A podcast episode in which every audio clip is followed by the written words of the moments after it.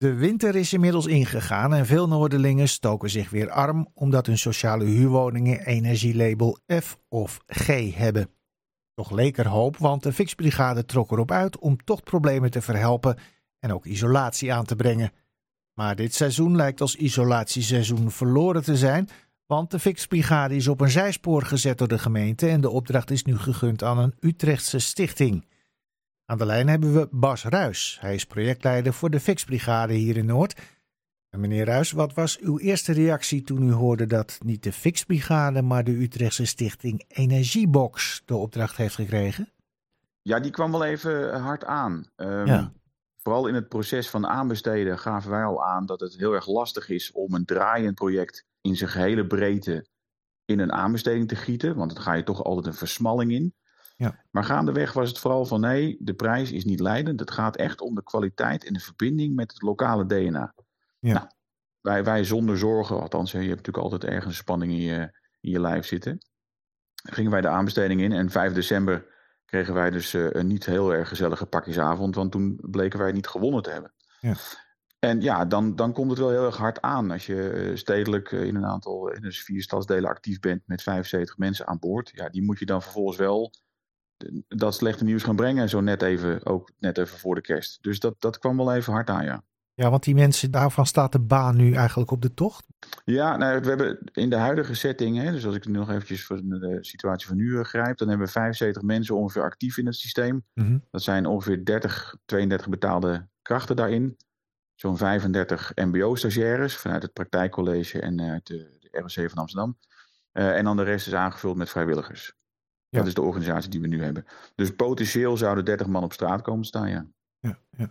En voor ja. Noorderlingen zelf, met een slechte sociale huurwoning, eh, ja, die eh, komen nu dan dus eigenlijk letterlijk in de kou te staan. Ja, de, als de gemeente het zo zwart op wit ziet, dan staan ze dit stookseizoen in de kou, ja. Maar goed, de Fixbrigade Amsterdam draait natuurlijk al een tijd. En wij hebben onze agenda niet stopgezet per 1 januari. Mm -hmm. Dus wij hebben ook nog afspraken staan tot halverwege maart. En eigenlijk nemen we ook nog steeds klussen aan, want we zeggen ook van ja, er is nog een klein stukje financiering overgeheveld naar 2024, met dank aan het Stadsdeel Noord. Eh, omdat we een klein potje daarvan ook kregen en dat mogen we ook uitgeven in 2024. En op die manier kunnen wij de Noorderling nu nog zo'n 2,5 maand bedienen. Ja, maar heeft het Stadsdeel Noord nou ook nog uh, aangegeven dat ze het eigenlijk helemaal niet eens is met de beslissing van de Stopera? Ja, dat is wel het hele fijne van Noord. Je ziet wel dat Amsterdam Noord zijn schouders zet onder burgergedragen initiatieven. En ze vinden de Fixbrigade een essentieel onderdeel van aanpak Noord. Hè, dat, is natuurlijk ook, eh, dat speelt ook in Ja, zeker. En zij zeggen ook van, ja, eh, dat moet werk stimuleren. En dan moet je natuurlijk geen werk afpakken. Ja. Dus het stadsdeel heeft ook uh, namens een aantal ambtenaren en een aantal bestuurders toch wel bij de centrale stad aangegeven dat ze het uh, bijzonder jammer vinden en eigenlijk onacceptabel zelfs dat het zo rigoureus stopt. Ja. En heeft u verder nog meer steun gekregen vanuit Noord? Zeker, zeker. Ook namens Red Amsterdam Noord, de RAM, worden wij inmiddels ook eh, goed ondersteund. Omdat zij ook heel duidelijk aangeven dat gezien de slechte staat van de woningvoorraad in Noord, mm -hmm. uh, zij gewoon continuering van het systeem uh, vooral inzien. Omdat je daarmee nou, zo snel mogelijk gaat zorgen dat die voorraad een beetje op peil komt. Dus hebben, zij hebben ook een hele mooie brandbrief gestuurd naar eh, de gemeenteraad. Heel specifiek naar de wethouders met de mededeling van luister. Het zal maar wel met een nieuwe partij uit Utrecht. Maar wij hebben al een partij. Ja. Dus dat is een hele, hele mooie steunbetuiging vanuit de RAM. Maar dan kun je ook zeggen, ja, op het moment dat u dit zo zegt, dan kunt u ongeveer wel iedere prijs rekenen. Want ja, dan uh, maakt het ook niet uit of u scherp calculeert of niet. Want ja, u biedt dit nou eenmaal, u bent monopolist. Dat uh, wil de gemeente ook niet.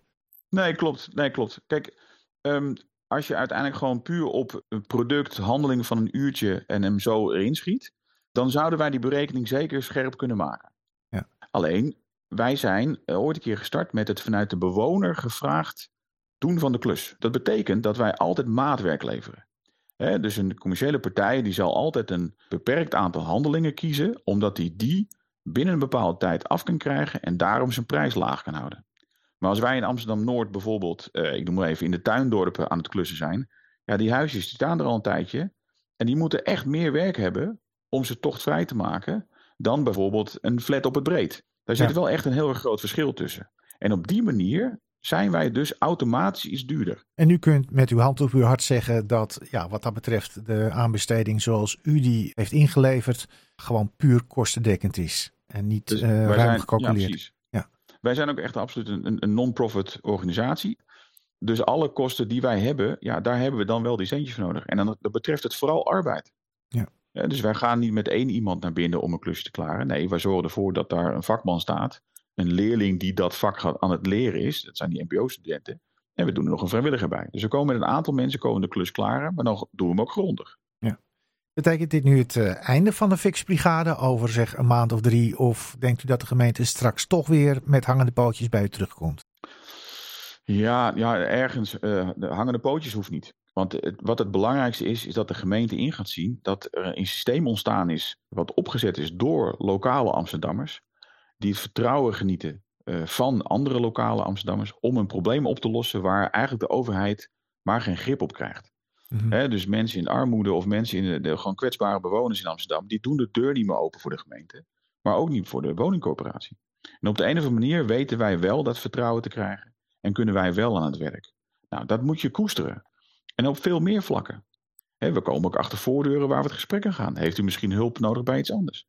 En al die gesprekken die zijn super waardevol. Dat wordt ook echt erkend door de stad. Alleen, we worden een soort van gedicteerd, ook, dat zijn Europese regels.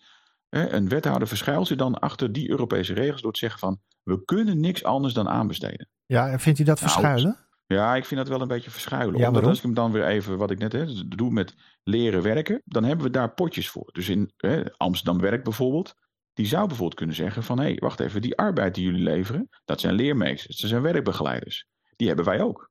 Dus als we jullie werkbegeleiders nou gewoon onder ons kopje zetten, dan heb je eigenlijk al je arbeid al betaald. En we hebben inmiddels ook al met de woningcorporaties goede gesprekken gevoerd over het betalen van de materialen die we gebruiken. Dan heb je eigenlijk je hele kostenplaatje al gedekt maar met budgetten die er eigenlijk nu al zijn. En dat gesprek gaan we nu aan met de wethouders die de portefeuilles in handen hebben. En komende week hopen we daar uh, uh, nou ja, in ieder geval een start mee te maken met een, uh, een structurele oplossing te, te, zoeken. Nou, mag ik u daar veel succes bij wensen. Dank u wel, meneer ja. Dank u wel.